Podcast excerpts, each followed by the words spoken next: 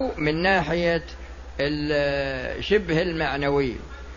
وأما بالنظر إلى الناحية الجزئية فالدليل إذا جاء خبر الآحاد هو محتمل للثبوت ومحتمل لعدم الثبوت. ولكن العلماء السابقون رحمهم الله خدموا هذا الجانب. وإذا أراد شخص أن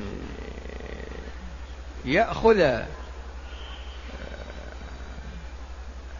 ما ذكره بعض العلماء عن هذه المسألة فأحسن من تكلم في فيها في علم الإمام الشافعي في كتاب الرسالة. فإنه نقل عمل الرسول صلى الله عليه وسلم بخبر الآحاد يعني قبوله خبر الآحاد من الأفراد. وقبول أبي بكر وعمر وعثمان وعلي وكثير من الصحابة حتى وصل إلى درجة الإجماع. نعم.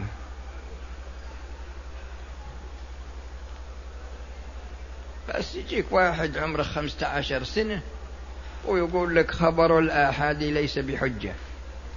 ليه؟ لأنه ظني. بس. ويمكن إنه ما يعرف كيف يصلي. أبد خاصة بعض هالشباب اللي عندهم مثل واحد عمره خمسة عشر ويقول هذا الحديث لم يصح عندي. اترك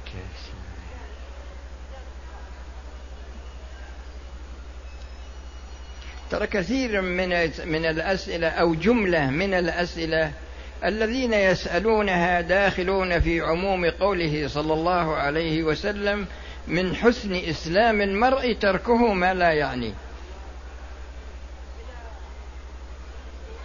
والدتي أرضعت امرأة. هل يكون لها محرما؟ هذه كتابته. إخواني من والدي. الإخوة من الرضاع إذا ثبت الرضاع أنه خمس رضعات في الحولين والرضعة هي أن يمسك الطفل الثدي ويمتص منه لبنا ثم يتركه لتنفس أو انتقال إلى ثدي آخر هذه رضعة فإذا أكمل خمسا في الحولين فإنه ابن للمرأة التي أرضعته ابن لزوجها الذي هي في عصمته. وإذا كانت قد تزوجت قبل هذا الزوج أو تزوجت بعده وأنجبت أولادا فإنهم إخوة لهذا الذي رضع من الأم. وإذا كان الزوج تزوج زوجة قبلها أو معها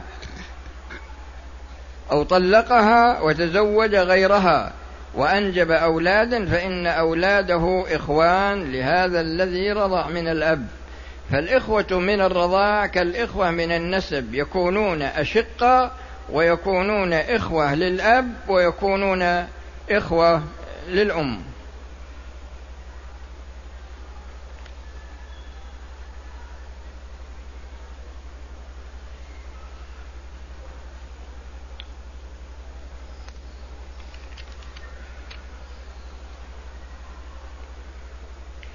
وهذا يقول ما هي السؤال ما هي الكتب التي تصلح لطالب العلم في في أدري وش هالكلام في الفقه المقارن؟ والنحو والعقيدة. يا أخي أول تعلم أسس الفقه المقارن. فيه أسس في الحقيقة يعني شبه مهجورة.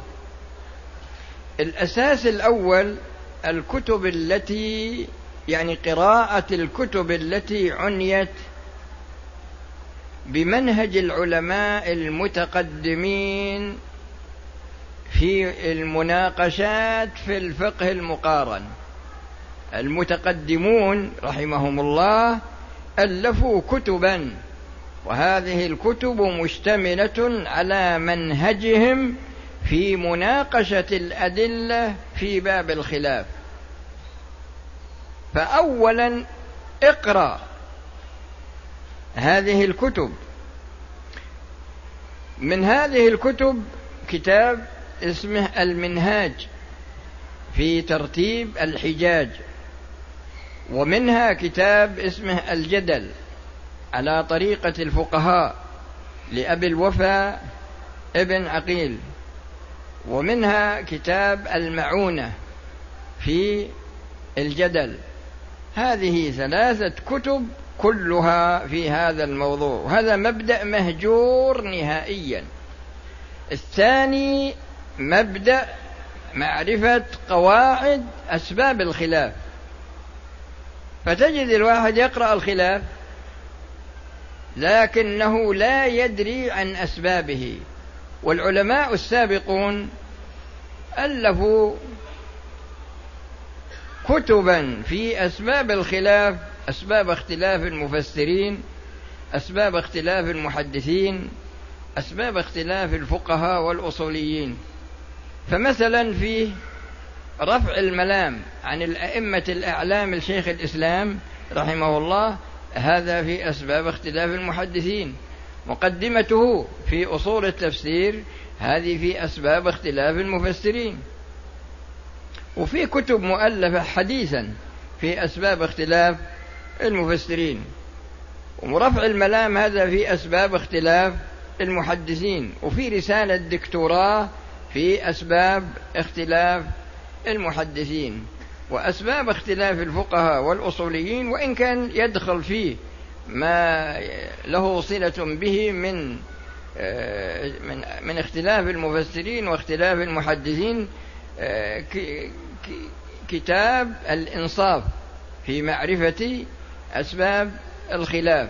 وكذلك كتاب الإنصاف لولي الله الدهلوي فهذان كتابان في أسباب الخلاف أصالة في الفقه والأصول ولكن كما ذكرت لكم آه، قد يكون في بعض المواضع علاقة لاختلاف المفسرين واختلاف المحدثين. الأمر الثالث مصطلحات العلماء المتقدمين. مصطلحاتهم في الرجال ومصطلحاتهم في الكتب ومصطلحاتهم في الألفاظ.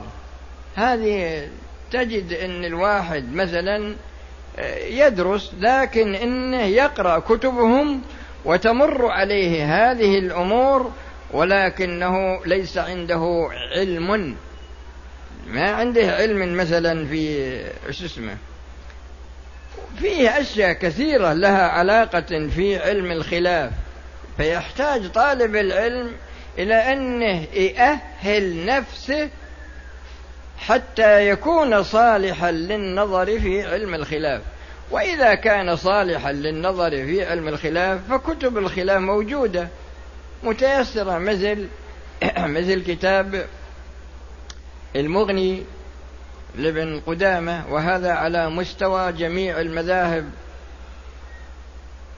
في كتب كثيرة في كتب خاصة بالخلاف داخل المذهب وفي كتب عامة في جميع المذاهب وهذه أمرها سهل. لكن المهم هو أن طالب العلم تكون عنده مفاتيح يفتح بها هذه الكتب وذلك من أجل أن يفهمها فهما سليما.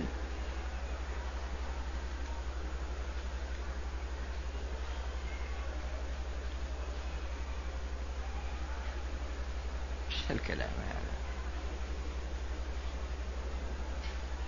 يسأل عن السكوت في الفتن ويقول الكلام هو أحسن. لا السكوت أحسن من الكلام.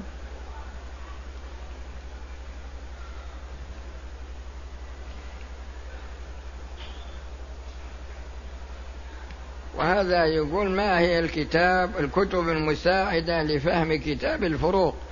هو كتاب الفروق المطبوع الآن المتداول عليه كتابان. وفيه كتابا ظهر حديثا اسمه ترتيب ترتيب الفروق. فإذا تيسر الكتاب الثالث مع الكتابين مع كتاب الفروق لكن في ناحية مهمة جدا. الربيع بن سليمان صاحب الشافعي الربيع بن سليمان صاحب الشافعي لما كتب الإمام الشافعي الرسالة في أصول الفقه يقول الربيع قرأتها ست ستمائة مرة. قرأتها ستمائة مرة وفي كل مرة يتبين لي من العلم ما لم يتبين لي من قبل. وحنا الآن إذا أخذ الواحد الكتاب وقال بسم الله الرحمن الرحيم بدأ يتثاءب. ما يكمل ولا القراءة الأولى. لا حقيقة.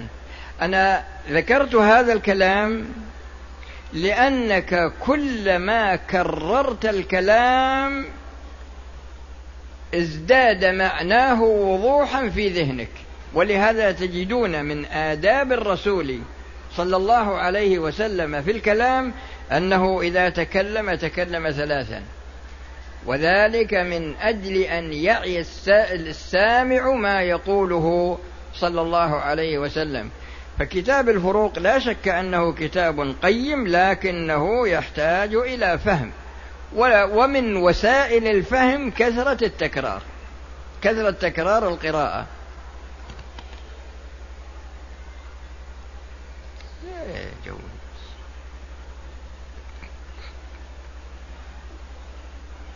وهذا يقول يعني إلى من استغفرت يعني تكلمت قلت أستغفر الله. هل هذا منكر ولا ما هو منكر؟ يعني من ناحية رفع الصوت. إذا كان أنك تبي ترفع الصوت من أجل أن يقول الناس هذا دين هذا ملتزم فهذا رياء. وإذا كنت ترفعه من أجل أنك تريد أن يقتدي بك من يسمعك أو أنك من النوع الذي لا يعني في بعض الناس في بعض الناس إذا أراد أن يتكلم ما يمكن يتكلم إلا جهرا ما يمكن يتكلم سرا. فكل شخص له طبيعته. فالحكم بحسب القصد.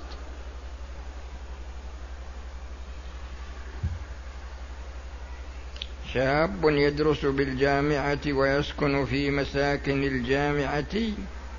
المجانية ويعطونه منحة فهذا الشباب الشاب استعان بشخص ليسهل عليه آه، مد أوراقه كسب هذه آه، فبعد إتمام الأوراق اكتشف أن الرجل يريد رشوة فأعطيته الذي يرد الذي يرد. إذا كان أخذها على أنها رشوة لا يجوز دفعها.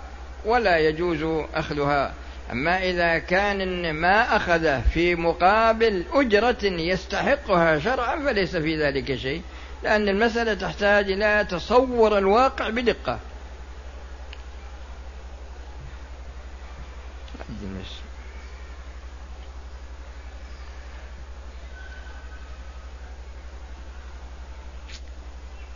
عظيم هذا ولا بس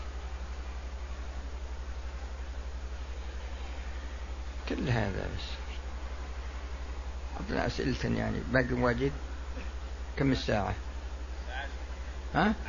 عشر خلاص أنا حدي السلام عليكم ورحمة الله وبركاته. اجمعهن جميع